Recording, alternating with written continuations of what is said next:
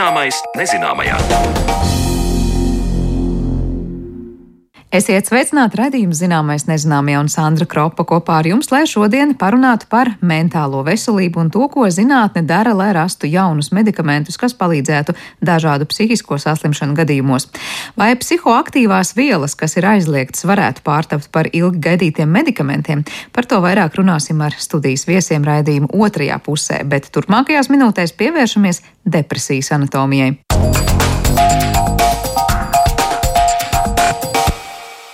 Aizvien biežāk mēs runājam par depresiju kā par slimību, bet vēl arvien tiek pētīts šīs slimības izpausmes. Kādi ir faktori, kas rada depresiju un kurā mirklī ir skaidrs, ka tā ir saslimšana, nevis slinkums vai pārstrādāšanās sekas, un kā var ārstēt šo slimību, par to Zanēlācē Baltalksnē stāsta Rīgas Stradiņa universitātes profesors psihiatrs Māris Taubi intereses zudums, nomākts garstāvoklis, raudulība, nogurums, apātija, nespēja koncentrēties un vēl daudzi citi simptomi, kuru ārsteišanai nelīdz pastaigas svaigā gaisā, koncerta apmeklējums, dārza darbi, jaunu tapešu uzlīmēšana vai cita frizūra. Nereti vien šī robeža starp parastu nogurumu un sliktu omu un klīniskiem simptomiem, kas norāda uz saslimšanu ar depresiju, ir grūti saskatāma. Sarunā ar Rīgas Stradiņu universitātes profesoru, psihiatru Māri Taubi skatīsim, kas veicina depresiju, kā atpazīt tās simptomus un kur cilvēka ķermenī šī slimība rodas. Runājot par depresiju, parasti mēs viņus varam iedalīt tādās divās lielākās kategorijās. Un tā viena, tas, kas cilvēkiem liekas tāda saprotamāka daļa, ir kaut kādi nu, ārēji notikumi, kaut kādi cilvēkam pārdzīvojumi dzīvē. Un tad radās depresijas tie simptomi, un mēs sakām, ka ir depresija, tāda kā exogēna, mēs medicīniski sakām, tad ārēji faktori noteikti. Jo, ja mums notiek kaut kāda smaga dzīves situācijas, teiksim, nomirst kāds tuvinieks, tad nešaubīgi mēs ejam cauri šiem posmiem, un mēs nu, kaut kādā lielākā vai mazākā mērā esam depresīvi, un kādam cilvēkam var būt ilgstošāk un smagāk. Otra sadaļa, tā, kas faktiski nu, ir tāda varbūt neredzamāka, neskaidrāka cilvēkiem, ir tā saucamās endogēnās, jeb īstās, ja mēs tā varētu teikt, vai teiksim, anatomiskās, morfoloģiskās, ja, ģenētiskās depresijas, kad faktiski bieži vien šī slimība ir pārmantota ģenētiski. Mēs atrodam tuviniekiem šos ģenētiskos faktorus, un eh, tā slimība nu, sākās, un it kā pat reizēm nekāda īpaša ārkārtēja iemesla tam nav. Un, eh, protams, šī bioķīmija, šīs saslimšanas būtība ir daudz mēģināts ir pētīt. Bet jāsaka tā, ka zinātniski, protams, mēs nevaram viennozīmīgi pateikt, kur mehānismi, kur ir precīzākie. Tā pamatteorija ir tā, ka ir šīs ķīmiskās vielas, neiromediātori. Nu, tā vienkārši runājot, šūnu savā starpā sarunājās. Viņi sarunājās neiroķīmiski. Tad viena šūna otrai nu, teiksim, sūta kaut kādu ķīmisku vielu, otra šūna šo vielu saņem, un tādā veidā tā informācija tiek nodota. Un, ja šais vielu nodošanas procesā ir kaut kādas problēmas, tad, protams, tas ietekmē mūsu pašsajūtu, vai teiksim, tas ir depresīvas reakcijas sākās, vai teiksim, trauksmes. Tā problēma ir tāda, ka šo vielu ir daudz un dažādu. Arī šo receptoru ir dažādi, kurus atklāja jauns un jauns. Biežāk mēs runājam par serotonīnu, ko cilvēki vairāk ir dzirdējuši. Laimes hormonu. Laimes hormonu. Ja mēs runājam par norepinefrīnu, par gaba aminoviestkābi, tāpat tās arī muskarīns, ja, tad ir daudz dažādas vielas, kuras ietekmē šo procesu. Un, ja agrāk, nu, tā kā jūs raidījums ir zināmais, nezināmie, tad faktiski agrāk diezgan klasiski vairāk runāja par to, ka lūk, serotonīns ir tas galvenais, tad serotonīna trūkums ir pamats depresijai. Lūk, mēs tagad atjaunosim šo serotonīnu līmeni un viss būs kārtībā. Ja, tad nu, pēdējie arī tādi pētījumi, zinātniskie raksti uzrāda, ka tik viennozīmīgi tas nav. Mēs nevaram teikt, ka tikai šis serotonīns darbojās, nu, ka viņa trūkums ir šis iemesls. Tā kā nu, ja agrāk vienmēr mēs pacientiem stāstījām, ka lūk, šis serotonīna trūkums ir tas galvenais, tad šodien mēs tā nevaram teikt. Sava loma tam ir, bet ir ļoti daudz, nu, iespējams, vēl nezinām mehānismu, šeit dažādu neiroķīmisko vielu miedarbību. Runājot par depresijas simptomiem, kur ir tā robeža, kad ai, man ir daudz darba un man ir vienkārši slinkums, vai cilvēkam zūd interesi par dzīvi, un kurā brīdī tie ir klīniski depresijas simptomi? Protams, ļoti daudz ir neizpratnes un nezināšanas par depresiju. Un, diemžēl ir pacienti, kur paši slimo smagi, kuriem ir grūti, viņu tuvinieki negrib to pieņemt, negrib to izprast. Arī bieži vien mediķi to uzskata, pat mūsu kolēģi uzskata par tādu kaut kādu nenopietnu. Tagad tā situācija varbūt mainās, jā, bet ļoti lēnām. Jā, tad cilvēki netic tam. Jāsaka tā, ka depresija var būt viegla, vidēji smaga, smaga depresija. Depresijas to klīniku nosaka šie simptomu kopumi. Piemēram, ir pacients, kuram ir depresija, kurš nēd, kurš teiksim, nokrītās svarā par 10 kg mēnešu laikā, piemēram, kurš vispār negrib iet no mājām ārā, kurš ēd augstus īsiņus, tāpēc ka viņam nav spēka viņus uzsildīt, kurš neapģērbjās no rīta, jo viņš nevar izkāpt ārā no gultas. Viņu var vest, nezinu, ekskursijās, var tuvinieki mēģināt viņu vest ārā no mājas, viņam nekas neinteresē, nekas nesagādā prieku. Ja viņam ir grūti gan fiziski kustēties, gan dūmēt, domas iet lēni, tie ir smagie gadījumi. Ja? Ja šāds cilvēks ir redzēts, ja, tad, protams, nu, šīs tā, tāda nievājoša attieksme par to, ka nu, kad tā nav depresija un saņemsimies visi, ja, nu, tad viņi ir lieka. Bet jūsu jautājums ir pareizs, ka, nu, protams, ka nevienmēr tas sākās tik ļoti smagi. Ir situācijas, kad nu, nevar īsti līdz galam saprast. Nu, tad man tas ieteikums būtu pievērst uzmanību tam, kas notiek bez redzama iemesla. Un kas notiek pietiekami ilgi, teiksim, divas nedēļas. Ja mums ir kaut kāds negadījums, mums, teiksim, tur nezinu, ir kaut kāds nepatikšanas darbā, kaut kāds konflikts, parasti tas tomēr ir tas iemesls zināms, kāpēc es, teiksim, jūtos slikti šodien. Un parasti jau tas nākamajā dienā ir pa daļai aizmirsies un jau, jau ieiet savā ritmā. Ja cilvēkam divu nedēļu laikā bez redzama iemesla. Viņš pats nesaprot, kāpēc tas notiek. Viņam ir nomākts, pazemināts šis garas stāvoklis. Viņam ir grūti koncentrēties, ko viņš, piemēram, redz darbā. Ja viņam ir kaut kāds darbiņš jāizdara, pieņemsim, tur viņš to izdarīs 15 minūtēs parasti, tad tagad viņš tur sēž, nevar to saprast un dara to 2-3 stundas. Ja pasliktinās miegs, ja pasliktinās ēstgriba, mainās miegs, mainās ēstgriba. Un tas bez šī iemesla ir apmēram divas nedēļas, ja, tad, protams, tam būtu jāpievērš uzmanība. Tad mēs varam runāt jau par depresijas epizodi. Es gribētu teikt, ka jautājums ir laiks, bez iemesla un uh, izmaiņas cilvēku uzvedībā. Tad ir trīs lietas, kam vajadzētu pievērst uzmanību. Tad mēs varam jau aizdomāties, ka kaut kas nav kārtībā. Vieglākos depresijas gadījumos var iztikt bez medikamentiem. Ja depresija ir smaga, tad ir jālieto zāles. Māris Taupe teica, ka bieži vien pacienti uztraucas, ja medikamenti ir jālieto ilgstoši, bet nes kāpēc cilvēki lieto zāles pret paaugstinātu asinsspiedienu vai holesterīnu un nevaicā, kāpēc tas ir jādara visu mūžu. Arī antidepresanti ir tādas pašas tabletes, teica psihiatrs. Ir dažādu grupu medikamenti, kas kādreiz pacients arī mulsina. Viss liktos ļoti vienkārši. Ja mums, teiksim, būtu lūk, trūks serotonīns, mēs lietojam medikamentus, kas šo serotonīnu atjaunošanu šūnu starpā. Tā atjaunošanas mehānisms lielā mērā ir pašu šūnu stimulēšana. Ja tad kādreiz pacienti jautā, nu, tad jūs kaut kādu ķīmiju vai kaut kādus hormonus man dodat, bet nu, tā īstenībā nav. Tā labā ziņa ir tā, ka mēs nu, mēģinām saka, šīs šūnas piespiest pašas darboties, pašām strādāt. Ja mēs teiksim, viņas tā kā ierosinām, ja, bet lūdzam, lai viņas ražo pašas. Bet, kā es atkārtojos, jau tad, nu, tas nav tik vienkārši, ka lūk tikai serotonīns atjaunot. Bieži mēs lietojam arī citus grupu medikamentus, teiksim, antipsihotiskos medikamentus, kas parāda savu efektivitāti, garastāvokļa stabilizators. Ja, reizēm pats pacients tas nedaudz mulsina, ka viņam liekas, ka kāpēc jūs man dodat kaut kādas zāles, kuras, teiksim, nu, nav tiešā veidā tik vienkārši kā depresija. Ja? Bet tas ir viss saistīts tiešām ar to, ka tie mehānismi ir pietiekami sarežģīti. Un, nu, tā iznāk, ka depresijas ārstēšanai ir ļoti uzmanīgi katram pacientam faktiski individuāli jāpiemeklē, jātaustās, kur zāļu kombinācija vislabāk palīdz. Līdzās redzamajiem faktoriem, ja cilvēkam dzīvē ir atgadījies kāds negatīvs emocionāls vai fizisks satricinājums, depresijas cēlonis var būt arī iedzimtība. Un ļoti bieži tomēr atklājās, ka pacientam ir kaut kādas, vai teiksim, viņš saka, jā, man tur mammai, tētim, vai vecākiem, vai onkuļiem, tantēm bija kaut kāda īpatnējāka, vai viņš bija tur nomāktāks. Reizēm arī šī ģenētiskie faktori, šī slimība tuviniekiem slēpjas, piemēram, alkohola lietošanā. Jo klasiski vīrieši, pieņemsim šo depresiju, mēģina nu, nodzert. Viņš saka, jā, man, teiksim, tēva brālis bija tāds eh, nomākts, viņš bija vienmēr tāds grūtsirdīgs, viņš tur iedzēra, viņi tur vēl visu lamāja, ka viņš dzer. Ja?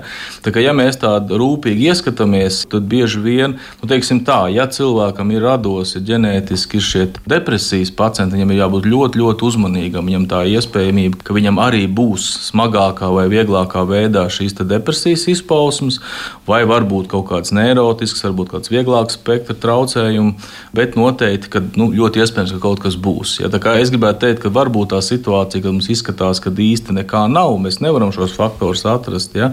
bet tad droši vien, ka vienkārši mums ir nepietiekama informācija. Un arī jāatzīmē, ka ir svarīgi šī cilvēka nu, teiksim, tā predispozīcija. E, jo var būt situācijas, ka jā, visa šī ģenētika ir ļoti nelabvēlīga, bet cilvēks nu, tomēr visu viņa audzināšana, visa viņa dzīve, viņa dzīvesveids ir pietiekami labs, pietiekami veselīgs, ja, lai viņš varētu nesaslimt ar šo slimību. Ja. Jo faktiski tie dzīves faktori bieži vien ir palaidēji mehānismi. Ja. Teiksim, cilvēkam ir šī predispozīcija, viņam ir šis ģenētiskais risks, un tad brīdī vien notiek kaut kāds smags notikums viņa dzīvēm Tās var būt vienkārši ar fizioloģiskas, kādas smagas saslimšanas, tīri varbūt tās fiziskas saslimšanas, piemēram, viņš pārslimo kaut kādu smagu pneimoniju, vai tas pats, kas tagad mēs ar covid redzam, piemēram, kad ir ļoti bieži šīs depresijas trauksmes pēc covid pārslimošanas, ja šis ilgais covid cilvēkiem, kam varbūt iepriekš nu, nekad dzīvē nebija nekādas šīs nu, pazīmes, ka būs šī depresija. Ja? Tā kā tas var būt, bet nu, biežāk tas faktors būs palaidējis. Būs tāds kā triggers, ja, kurš palaidīs to, kas tur iekšā būs sēdējis. Vai depresija var būt hroniska, vai viņa var ilgi vilkties tādā nu, latentā, apslēptā formā, var runāt pakūta un hroniska depresija? Katrā ziņā klasiski vienmēr tika uzskatīts, ja, ka depresija tā ir tāda mm, saslimšana, kur pieņemsim, viņa tomēr notiek epizodiski, ja teiksim, ir šīs te depresijas epizodes, ir, ir teiksim, depresijas pārsinājumi, kad cilvēks tiešām ir izteikti nomākts un pazemināts garas stāvoklis, viņš ir lēnīgs, ja viņš nevar padomāt, nevar koncentrēties. Ja. Tad diezgan skaidra šī klīniskā aina. Un mēs, teiksim, pacientu ārstējam, tiek ārstēts psihoterapeitiski, viņš tiek ārstēts ar medikamentiem un atgriežas atpakaļ tādā līmenī. Nu, Arvien vairāk nu, mūsdienās publikācijas, diemžēl, ir par to, ka pat 60-70% gadījumu paliek kaut kādas, teiksim, atlieku parādības. Ja, tā kā depresija nav vairs nu, tāda slimība, diemžēl, kura nu, tā pilnībā cilvēka atgriezties, viņš pilnībā var atgriezties atpakaļ. Faktiski mēs varam teikt, ka lielos procentos viņi tādā chronoficējas. Tas nozīmē, ka paliek kaut kāds cilvēkam, piemēram, nu, viņam ir kaut kādās stresa situācijās, viņam rodās teiksim, tādas nedrošība, jā, vai teiksim, viņam ir grūtāk kaut kādas kognitīvi izpildīt kaut kādas darba uzdevumus vai strādāt kaut kādu lielāku slodzi. Un tāpēc arī tiek pievērsta uzmanība. Ja, teiksim, ja arī mēs šobrīd nu, nesakām, ka viņam ir smags pārsnēms, ka viņš ir slimnīcā, viņš pilnīgi nevar padomāt, viņš raud, viņš nēd. Ja. Viņš tādā stāvoklī nav, bet viņam ir ļoti vajadzīgs gan psihoterapeitiski atbalsts, gan arī medikamenti uzmanīgi, nu, lai tieši strādātu uz to, lai viņš varētu, pieņemsim, kognitīvi, viņam šīs domāšanas funkcijas labāk strādāt. Ja. Māris Taupe teica, ka šodien ir jāpieņem, ka ar depresiju ir jāsadzīvo līdzīgi kā ar cukura diabētu. Ja reiz ar šo slimību kāds ir sasirdzis, tad visu dzīvi ir jābūt uzmanīgam. Ja diabēta gadījumā ir jāievēro diēta un veselīgs dzīvesveids, tad depresijas pacientam arī ir pastiprināti jāuztur labā formā savs psihoemocionālais ķermenis, lai dzīve būtu kvalitatīva. Paldies Zanēlācē Baltāksnē. Raidījuma turpinājumā mēs pievērsīsimies tam, kas kas varētu palīdzēt ārstēt depresiju un arī citas saslimšanas, vai psihoaktīvās vielas, kas ir halucinogēnās sēņu sastāvā, var pārtapt medikamentos. Par to mūsu nākamais stāsts.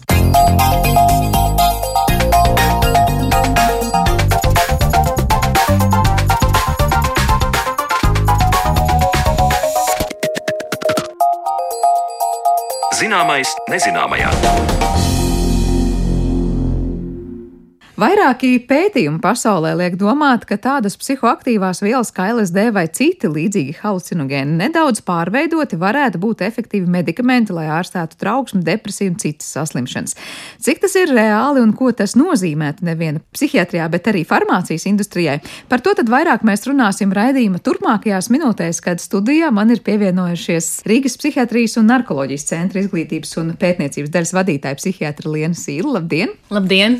Kā arī psihiatrs un Rīgas psihiatrijas un narkoloģijas centra ambulatorā centra pārdaugo vadītājs Elmārs Tērots. Labdien! Labdien! Pasaules presē dažviet ir lasām tādi diezgan skaļi virsrakstī, kas dažādās psihoaktīvās vielas, kā piemēram halucinogēnus un daudz ko citu, saka, piedzīvo savu renesansi un uh, varētu tikt izmantoti kā medikamenti, kurus pasaule ir ilgi gaidījusi. Vai jūs piekrītat tik skaļiem vārdiem un var teikt, ka psihiatrijā tiešām tādas tendences ir jaušamas, ka nu uz daudz varbūt šobrīd aizliegtu vielu virzienā tiek skatīts ar tādām ļoti cerīgām acīm?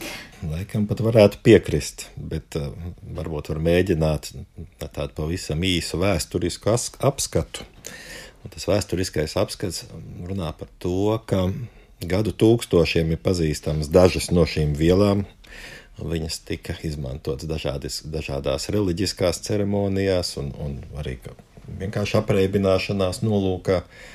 Dažas no tām ir sintēzētas pagājušā gadsimta vidū, dažas ir jaunākas, bet īstenībā mm, pirmie līdzekļi, ar ko varēja ārstēt trauksmi, depresiju, kādas vēl citas veselības problēmas, nu, viņi, viņi jau bija šīs psihoaktīvās vielas.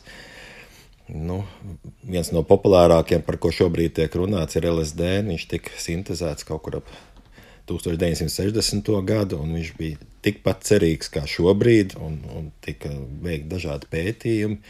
Bet tad pēc Vietnamas kara bija sanācis tā, ka tur ārkārtīgi daudz cilvēku, kas atgriezušies bija no kara, sāka ļoti intensīvi lietot šīs vielas.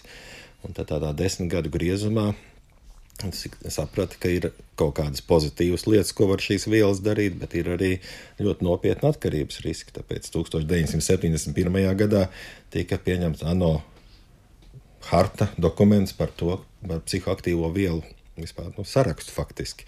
Un no šī laika nu, arī mēs dzīvojam šai ērā, kas kur ir narkotikās un psihoaktīvās vielas, kur nu, lietošana, tirzniecība, pētniecība ar šīm vielām ir ierobežota. Nu, tad, nu, laikam, atgriežoties pie jūsu jautājuma, sanāk tā, ka nu, patreiz ir zināma renesanse šai aspektā. Nu, viņi vērojami kādus pēdējos desmit gadus. Uh, Nu, uz, kur, uz kurien viņi ved, tas jau ir cits jautājums. Jā, par to mēs parunāsim. Vai jums kāds cits vēl redzējums vai piebildi pie tikko minētā, kas notiek šobrīd, var teikt, nu, nozarē? Nozarē, manuprāt, arī ir modes tendences, kā jebkurai nozarei vai industrijai. Un droši vien tā viena no tām atbildēm ir, ka tiek meklēti kādas tādas nu, universālas vai izcilas vielas, lai palīdzētu visiem un izārstētu, un varbūt daļēji tām zinātnē neiet tik ātri uz priekšu, kā mums gribētos, un mums nav tās maģiskās atslēdziņas, un tad ik pa laikam ielaužās kā tādi daudzsološi modes kliedzieni, bet kamēr nav pamatojuma, mēs īsti nevaram piekrist visam, kas ir moderni. Jā, par to, kāds ir šobrīd vai nav pamatojums minētajam, es saprotu, ka stāsts ir par vairākām psihoaktīvām vielām, kas šobrīd varētu teikt, nu, tad, e, teiksim, zināmas, e, citi varbūt lieto ne tik atļauti, kā varētu, bet patiesībā jautājums, ja citās, es saprotu, devās vai pārveidotas, tas varētu kļūt par, nu, efektīvu medikamentu, vai tā ir tā vienkāršot var stāstīt un teikt. Nu, psihoaktīvās vielas, viņas jau, jau narkotiskās vielas, viņas jau medicīnā ir visu laiku jautājums, pie kādām problēmām viņas tiek lietotas. Nu, opiātu pretsāpju līdzekļi tiek lietoti visur ķirurģijā, pēcoperāciju periodos, pie smagām terminālām eh, sāpju sajūtām. Nu, tāpat tās arī, arī metilfenidāti, kas ir stimulantu grupas līdzekļi, tiek ļoti plaši lietoti pasaulē pie bērnu hiperaktivitātes, uzmanības deficīta, hiperaktivitātes sindroma. Tā kā īstenībā šīs vielas eh, ir apritē. Uh, Nu, tagad uh, sāk uh, parādīties ar vien vairāk publikāciju arī par citām vielām. Nu, pirms kādiem gadiem, desmit, bija ļoti moderna diskusija par uh, marihuānas dažādu atvasinājumu, kanabinoīdu lietošanu pie multiplās sklerozes.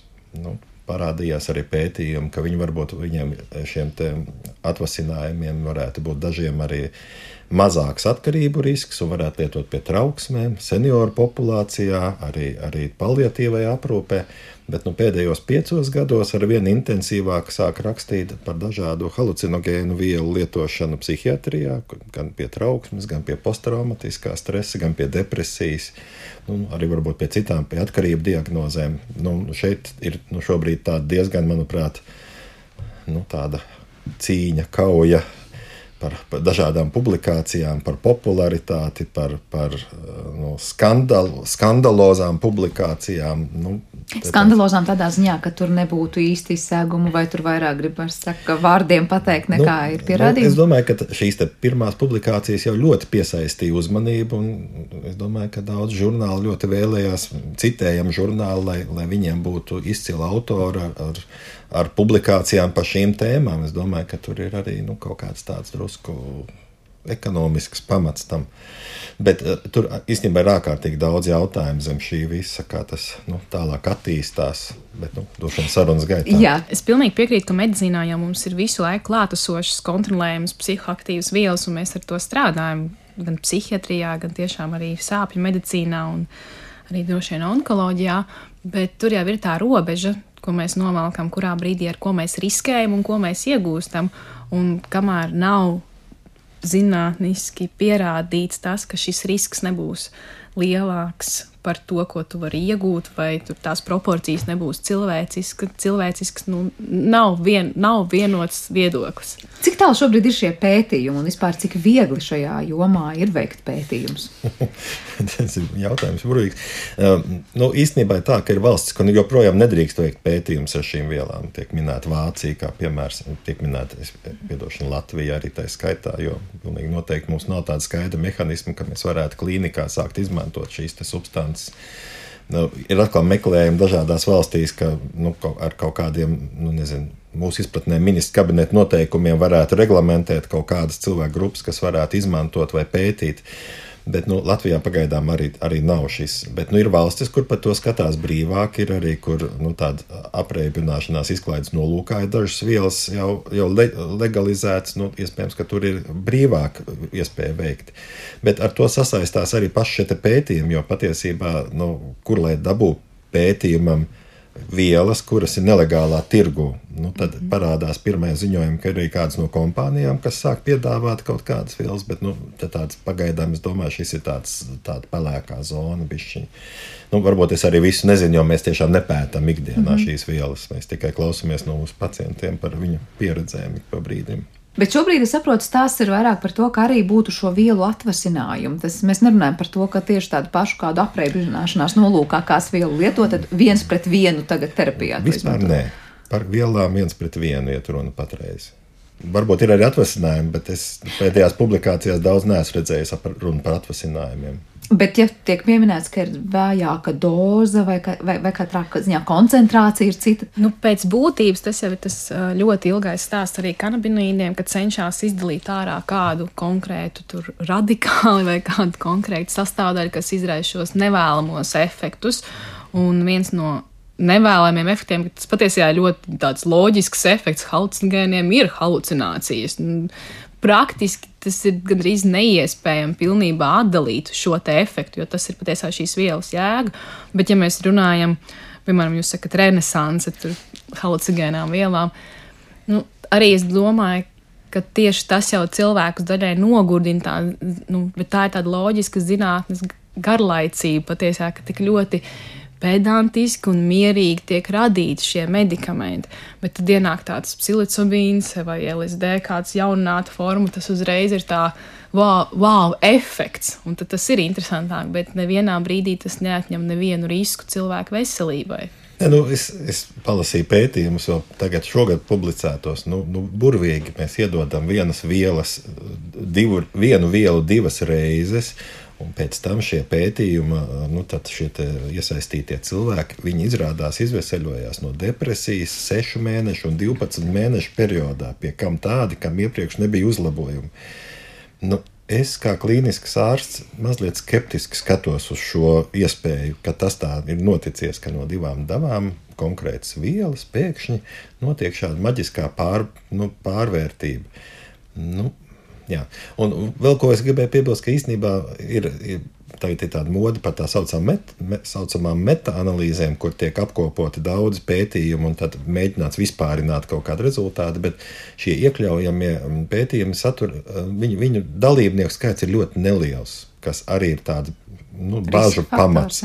Jo tur ir pa 4, pa 8 pacienti. Vienā, Bet tāpēc, vien... ka nav vienkārši daudz cilvēku, kas būtu gatavi to darīt? Es, to es nezinu. Iespējams, ka tas ir diezgan dārgi vispār pētījuma struktūra un uzturēšana, visu, visu, visu, visu datu apkopošana. Tas ir milzīgi dārgs biznesa pasaulē. Tas jau nav tikai tā, ka kāds paskatījās, pierakstīja uz, uz rūtiņa lapas.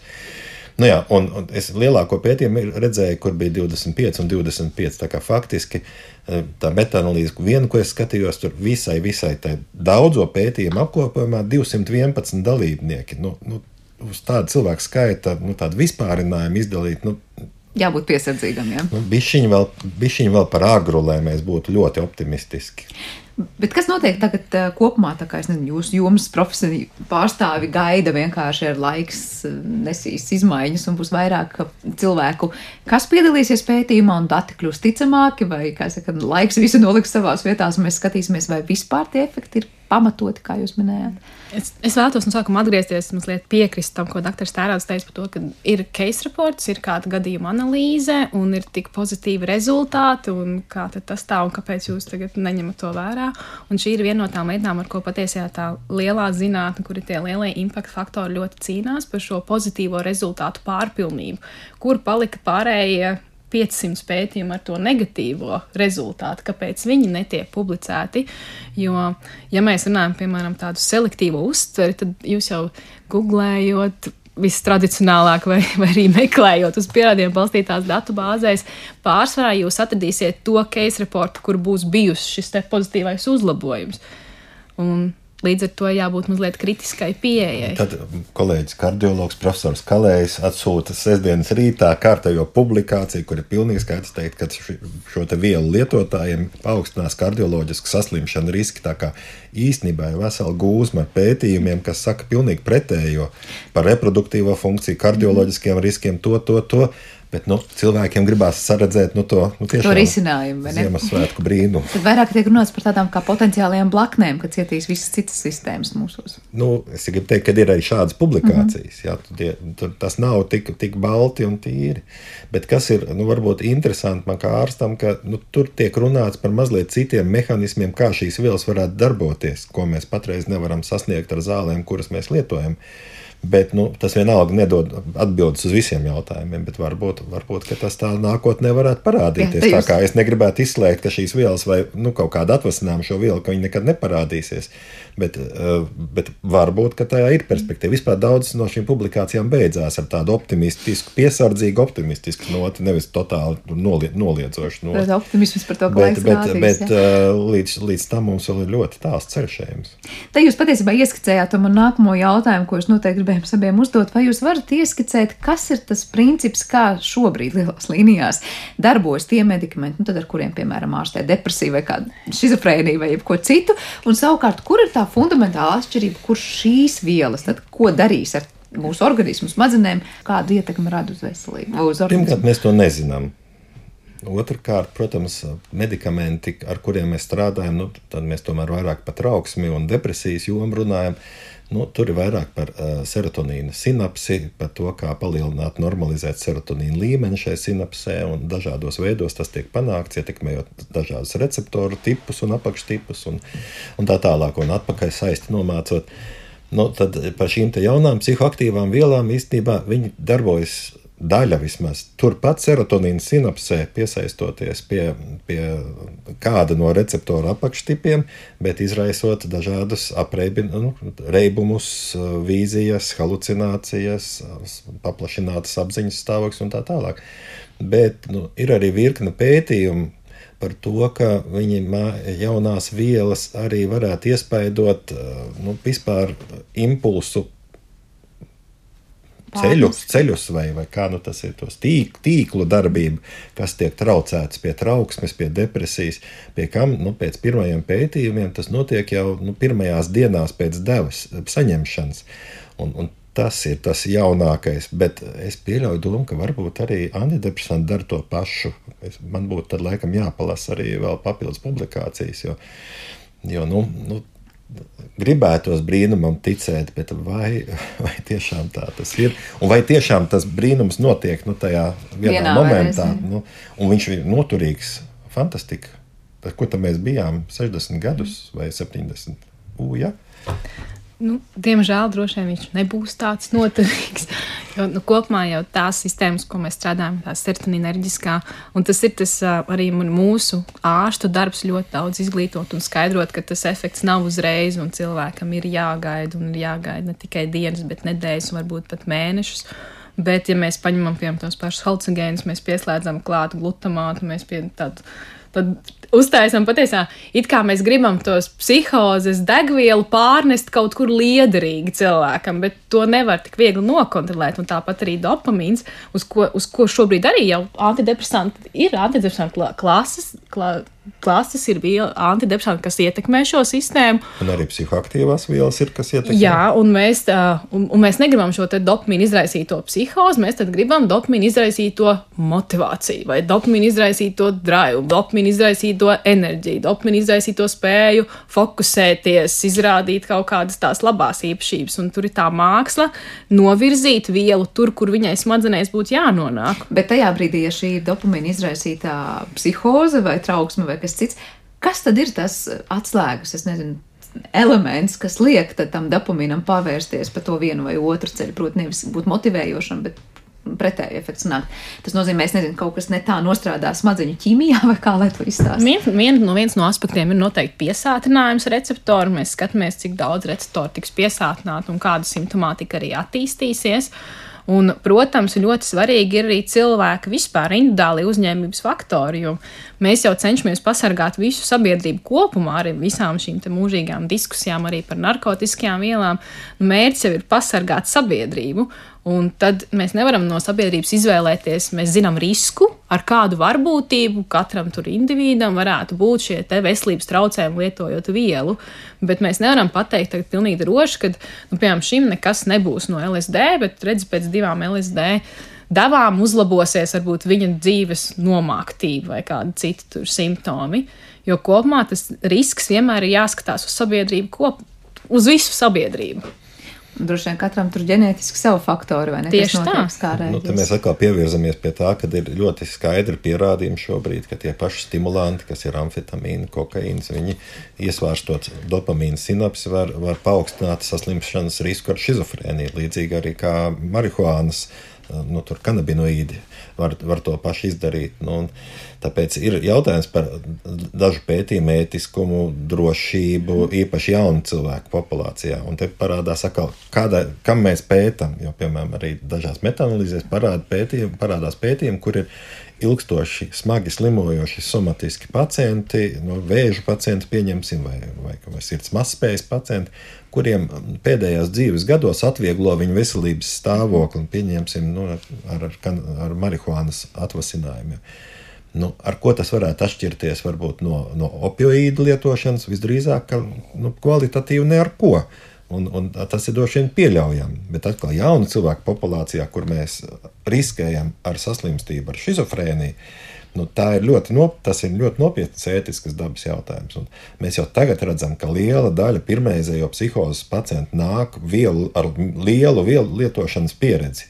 Par ko viņi runā vispār pilnīgi garām ejot. Tas vispār ir normalizēts kaut kur pēdiņās, es gribētu teikt. Un tas taču nekas nav. Vai jūs vielas lietojat? Nē, zālīt pipektu, jā ja, katru, katru otro dienu. Un mēs jau redzam šobrīd šos cilvēkus, ka viņi nāk ar pirmreizējām psihozēm.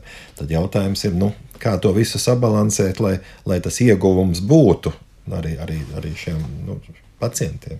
Bet, ja mēs runājam par tām slimībām, nu, uz kurām vispār tie optimistiskākie pētnieki raugās, kur mēs varētu, ja mēs līdz tādiem medikamentiem vispār tiktu, tās būtu depresijas trauksmes, ko jūs pirms tam minējāt, vai te tas spektrs ir ļoti plašs, nu, sākot no šizofrēnijas un beidzot ar trauksmi? Nu, es domāju, ka tas spektrs, protams, cilvēkiem, kuriem gribās radīt to skaisto virsrakstu, droši vien ir ļoti plašs, bet tāds realistiskākais skatījums, ko arī pieminēja, nu, ja tā ir sāpju medicīna un tā tiešām ir cilvēkam, teiksim, jau kaitējumu mazināšana viņam ļoti smagos somatiskos stāvokļos, tas ir pavisam citādāks jautājums, ar ko mēs viņam atvieglojam viņa dienas. Un, bet nekā tad, ja mēs tiešām cilvēkam, kuram vēl jādzīvo 80 gadi no viņa 15 gadīgā vecuma, sākam dot vielas, kurām ir ļoti liels risks izsaukt papildus psihiskus traucējumus, kā arī radīt vēl komorbiditātes atkarības ziņā. Tas arī tā ir jādomā, bet droši vien ja šī saruna visvairāk acīm redzot velk uz to depresijas ārstēšanu, kā es saprotu. Nē, tas ir par to, uz ko liek cerības vispār meklējot šos medikamentus. Vai te vairāk tā kā ar domu atrisināsim nu, depresijas problēmu? Pozitīvākie, pub, pub, mm -hmm. Pozitīvākās publikācijas ir par tā saucamo posttraumatiskā stresa sindromu, bet te gan jāatcerās, ka mēs nerunājam tikai par vielu ietekmi. Tur diezgan specifiski tie pētījumi dizaini, viņi iet kopā ar psihoterapiju. Ļoti precīzi mērķētu ilgu stundās mērām ilgu, nevis mēnešiem uz priekšu, bet tajās dienās, kad tas notiekās, kad, kad tur ir tāds komplekss, tas gluži nav tikai ielietot vielu, ja, bet ir arī šādi pētījumi, bet katrā gadījumā tur tomēr iet vairāk runa par, par šo te psihodēliķu asistētām psihoterapijas tehnikām. Nu, tas ir vēl drusciņu šamanismu, ja, un nu, tā, kaut, kaut kāda tur tā ideja ir apakšā. Uh, Nu, katrā ziņā nav ideja tikai ar vienu tableti vai kā citādi cilvēkam pateikt, atrisinās tavas problēmas, tad būs joprojām jāiet un jāstrādā ar nu, psihoterapeitu. Nu, izlos, izlasot, liekas, ka nu, tas brīnums var notikt, jā. Jā, bet nu, visdrīzāk tā laikam plašai sabiedrībai nenotiks gan. Es arī vēl piebildīšu, ka tad, kad cilvēki tas ir ļoti labi, vajag lasīt un meklēt par savu saslimšanu, ārstēšanas iespējām, bet, piemēram, ja mēs lasa, lasām citējumus pētījumus, ir noteikti kriteriji, kāda drīkst būt atlase mēs jau tikko diskutējām par ētiskumu, bet tāpat arī tas pacients, piemēram, ar kuru tiek veikts pētījums, vienalga vai viņš ir placebo grupā, aktīvajā grupā ar to pašu vielu, uh, viņš ir tik ļoti noskrīnēts, viņam ir es visticamāk, tik ļoti tīra, pareizā tā depresija, viņam visticamāk nav nekādas papildus saslimšanas. Droši vien, ka nav ne ģenētiski faktori, varbūt ne ir sociālie faktori. Līdz ar to savu diagnozi nekad nevar likt viens pret viens pret kaut kur atrodams publikācijas diagnozi. Nu, proti, vienam ar depresiju klāt vēl būs virkne citu saslimšanu, ko viņš zina vai nezina. Varbūt, jā, mhm. tieši tā. Un diez vai cilvēks, kuram ir ļoti daudz, uh, veselības sarežģījumu kvalificēsies būt par pētījuma subjektu. Par to atkarības aspektu un to izraisīšanas iespējamību. Kā izskatās un ko tie pētnieki, kas nu, tiešām nopietni domā par šādu medikamentu tālāku veidošanu un, un radīšanu, vai viņi paredz, ka lūk, tajā brīdī, es nezinu, vai tie tomēr būs kaut kādi atvasinājumi, kas, kas neradīs atkarību, vai tas ir neizbēgami? Nu, ir dažām vielu grupām, kur tiek mēģināts teikt, ka ir daži atvasinājumi, dažas sastāvdaļas, kurām ir mazāki riski. Jā, pat Latvijā tiek tirgoti. Bet uh, es domāju, ka daudzos pētījumos joprojām mēs runājam par īstermiņa pētījumiem. Un tādu vielu, kur adatas galā jau uzreiz ir atkarības, viņi nav varbūt tik daudz, un par šīm opiātu atvasinājumiem un, un, fentaniliem un tādām lietām. Nu, tur tā kā par šo grupu šajā gadījumā neiet runa. Bet, eh, bet eh, nu, ja ir vienreiz pamēģināta viela, nu, tur gluži uzreiz atkarība neparādās. Varbūt tur tiek lausts tāds, tāds viens no tabū, kas ir atkal tāds neatļautības situācijas, vispār izmainīt. Nu, tas varbūt nav ļoti labi īstenībā.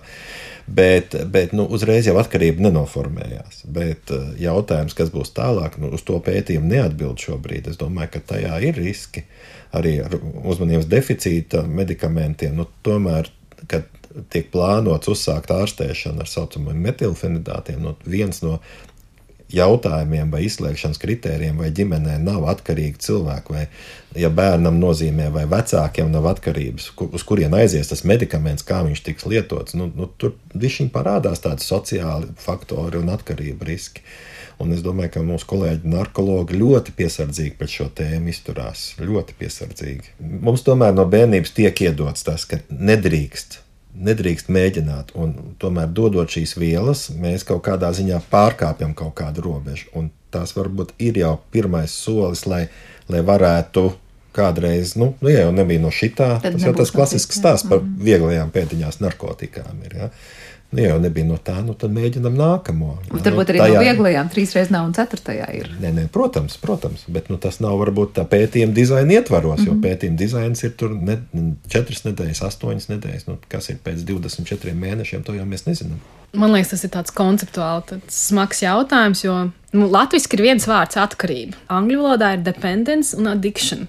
Un patiesībā ļoti daudz pacientu smagi cieš no stigmatizācijas, ka mēs sakam, jums ir atkarība. Bet, ja ir hronisks sāpju sindroms, ja ir tra fiziskas traumas izraisītas deformācijas vai ja kāds medicīnas stāvoklis, kas paredz gadiem ilgu medikamentu lietošanu, tad ir fiziskas kādas pazīmes, ir tolerants pieaugums, kas arī ir ārstniecības jautājums, spēt menedžēt to šo medikamentozo terapiju, bet atkarība tā, tādā izpratnē kā addiction, viņai būtu vienmēr jā, jāietver arī sociāls uzdības un personības pārmaiņas kas ļoti lielā daļā pacientu patiesībā nenotiek, jo tā ir viņu daļa no viņu ārstēšanās.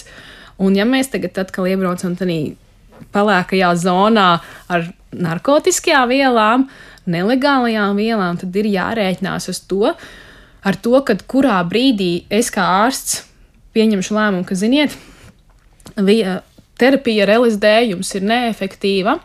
Mums nav uzlabojums. Depresijas simptomātikā, tas ir ļoti tā kariķēti. Jums nav uzlabojums depresijas simptomātikā, jums ir jāpārtrauc LSD lietošana. Nē, kā, nebūs. Kā, kā tā? Kas no? Tāpēc tas, tas atkarības termins es, es tiešām gribētu šobrīd noņemt no to slogu no tiem pašiem stigmatizētiem pacientiem, kuriem ir jālieto medikaments, jo viņiem ir fiziska vajadzība pēc šiem medikamentiem, un pārvirzīties uz to, ka tomēr ir vielas, kurām ir lielāks risks arī personības uzvedības izmaiņām. Jūs pirms tam sarunā teicāt, nu, ļoti brīnumaini izklausās, ka tur vienas, divas lietošanas reizes un pazūd. Tur es nezinu, ir, ir vairākos pētījumos. Jā, ilgstošā depresija, kur it kā likās citi medikamenti nelīdzēja. Uh, idejiski vispār kāda ir tā noskaņa, ka ir tā sajūta, ka tiks radīti, ja tiek radīti šie medikamenti, kas tad būs jālieto, nu tā mazliet un izārstēsim cēloni, vai tie arī ir medikamenti, kas jau šākotnē paredz līdzīgi kā šobrīd, piemēram, nu tās depresijas, es saprotu, zāles, nu tad ir ilgstoši un varbūt pat vispār visu mūžu jālieto. Kā? Nezinu, nāk tāds mazliet huligānisks viedoklis prātā, nu tad kolosāli. Tad jaunieši, kad ir tendence kaut ko pamēģināt, tad jau viss kārtībā. Viņi ielieto vienreiz to vielu, nu, tad viņam nav vairs depresija. Nes kāpēc statistikas dati Latvijā rāda pretējo, ka ar saistībā ar Covid pandēmiju mums ambulatorijā aprūpē ir, ir, trīskāršojušies trauksmes un depresijas pacientu uh, skaits, un īpaši gados jaunu pacientu populācijā. Un, nu, tā kā es varētu pieļaut, ka daži no viņiem ir mēģinājuši kaut kādā veidā aizmirsties un nu, tādā, tādā varbūt kaut kā apreibināties. Ja? Nu, nu, kāpēc tad viņiem nav palīdzējis? Nu, tas man uzdod tāds jautājums virkni. Tā kā jūs vairāk skeptiski noskaņots par to, ka tas tiešām efekts būtu sasniedzams. Nē, nē, es patreiz eh, esmu piesardzīgs kā tā, bet eh, es īstenībā arī kā ārsts gaidu brīnumu līdzekli, ko es varētu iedot pacientam un atvieglot viņa gadiem ilgušās ciešanas saistībā ar, ar smagu terapeitisku rezistentu depresiju. Nu, kur tā problēma? Burvīgi Es pirmais pieceļos un, un, un aiziet aptiekā pats arī nopērku, lai iedot tam pacientam. Bet nu, patreiz kaut kā nu, tā ticības kvota tik liela man nav gan. Mm, jums kā? Smadzeņu transplantācija iespējams. Tas jo principā jau nu, man, man tā sajūta, cilvēki jau ir noguruši no tā, un arī tur tāds dumpīgums, nu kā tas būs, kāpēc man mēnešiem ilgi ir kaut kas jālieto, un man nesanāk. Un kāpēc? Piedod, es... vēl jāsāk vingrot. Jā, jāsāk, jā, jā, jā, kaut kāda dzīvesveida jāmaina. Kas tad tas tāds? Un mēs, nu, tieši tā, un tas ir tāds ļoti konceptuāli arī smags jautājums, to, ka depresijas arī ārstēšana, tas nav viens medikaments, tas nav medikaments ne uz vienu, ne uz divām reizēm, tā ir sevis pieņemšana un savas vispār dzīves izmaiņas, un gribās jau visu ātri un uzreiz, un ir tā bilde, kādam man ir jābūt. Un bieži vien mūsdienās tā bilde ir kaut kāds nereāls, nesasniedzams standarts. Un tad, kad cilvēkam lēnām izskaidro, kas kādi soļi būs jāveic, un tu vari būt laimīgs, tu vari būt vesels, tu vari iet uz darbu, ģimeni, un viss notiks, bet līdz tam ir tik daudz soļi, nu, iestājās tāds Jā, to ir mana brīnuma tablete. Tieši tā, to es gribēju teikt. Laikam mums arī šajā raidījumā dažādi jomu mediķi ir teikuši, vienalga, vai tās ir par kardioloģiju vai ko citu, ka visi drīzāk gaidīs maģisko tableti, nevis pateiks, ka, mm. o, oh, var vienkārši pavingrot un pamainīt dzīvesveidu. Bet noslēdzot šo sarunu, mm, vai jūs saskatāt risku tajā, ka no vienas puses, kamēr tiek domāts, meklēts un kas ir pozitīvi, nu, meklējam, skatāmies, kas notiek, vai ir iespēja kādu dienu tikt pie tās gaidītās ilga tabletes, notiek tāds pretējs efekts varbūt nu, daudzu lietotāju pusē, kas pateiks, ah, ja jau tur pētnieki strādā, tad jau tur kaut kas labs, nu, es pamēģināšu. Proti, vai tas varētu veicināt šo aizliegto vielu kaut kādās grupās papildus lietošanu un tādu tā kā, nu, sajūtu, ka tas taču būs droši un es tikai darīšu savai veselībai labu. Dr. Stērāts jau minēja to normalizēšanu, lietošanas un tiešām strādājot ar jauniešiem, tas ir apmēram arguments, ir, bet visi lieto nu, nelieto visi tā īsti. Nav gan, ka visi lieto. Bet uh, viens arī vispār tāds no plašākiem aspektiem, kā ierobežot sabiedrībā narkotiku vielu lietošanu, ir šis kultūrālais aspekts un tā sabiedrības doma. Ja mēs uzskatām, ka tas ir ok kaut ko pamēģināt, un ka tās ir pārējas periods, vai tas ir tad, tad, potenciālās zāles, ja? potenciālās zāles, jā, tad kaut kādas barjeras tiek palaistas vaļā. Un, uh, Tas tā mazliet provokāti, ja tur re, ja izmēģina LSD, tad to var tagad arī lietot, nu, ko tu ārstēt. Ja tu sestdienas vakarā esi foršā ballītē, tad jau tur kaut kāda depresijas kritērija varbūt ir pārstēta jau, nu, ko tu tur var ārstēt arī sestdienas naktī. Domāju, ka mums būtu jāattīstās ārstu izglītošanas tālākā virzienā. Atkal izglītības sistēmā arī masu mēdījos būtu jārunā gan par zināmiem ieguvumiem, gan par zināmiem riskiem. Uh, Bet es domāju, ka mm, dažādu jauno medikamentu vai tehnoloģiju izmantošanai, kaut vai depresijas ārstēšanā, tam būtu jā, jāpaliek speciālistu rokās. Nu, nevar tā nu, nu, vienkārši no dīlera paņemt kaut ko pašrocīgi un, ārstēt, un tad ja? ārstēties, jo nu, tomēr ir milzīgi riski. Kaut vai halucinācija iespēja izlikt pa logu, kas ir LSD klasiskākais simptoms, ka es varu lidot.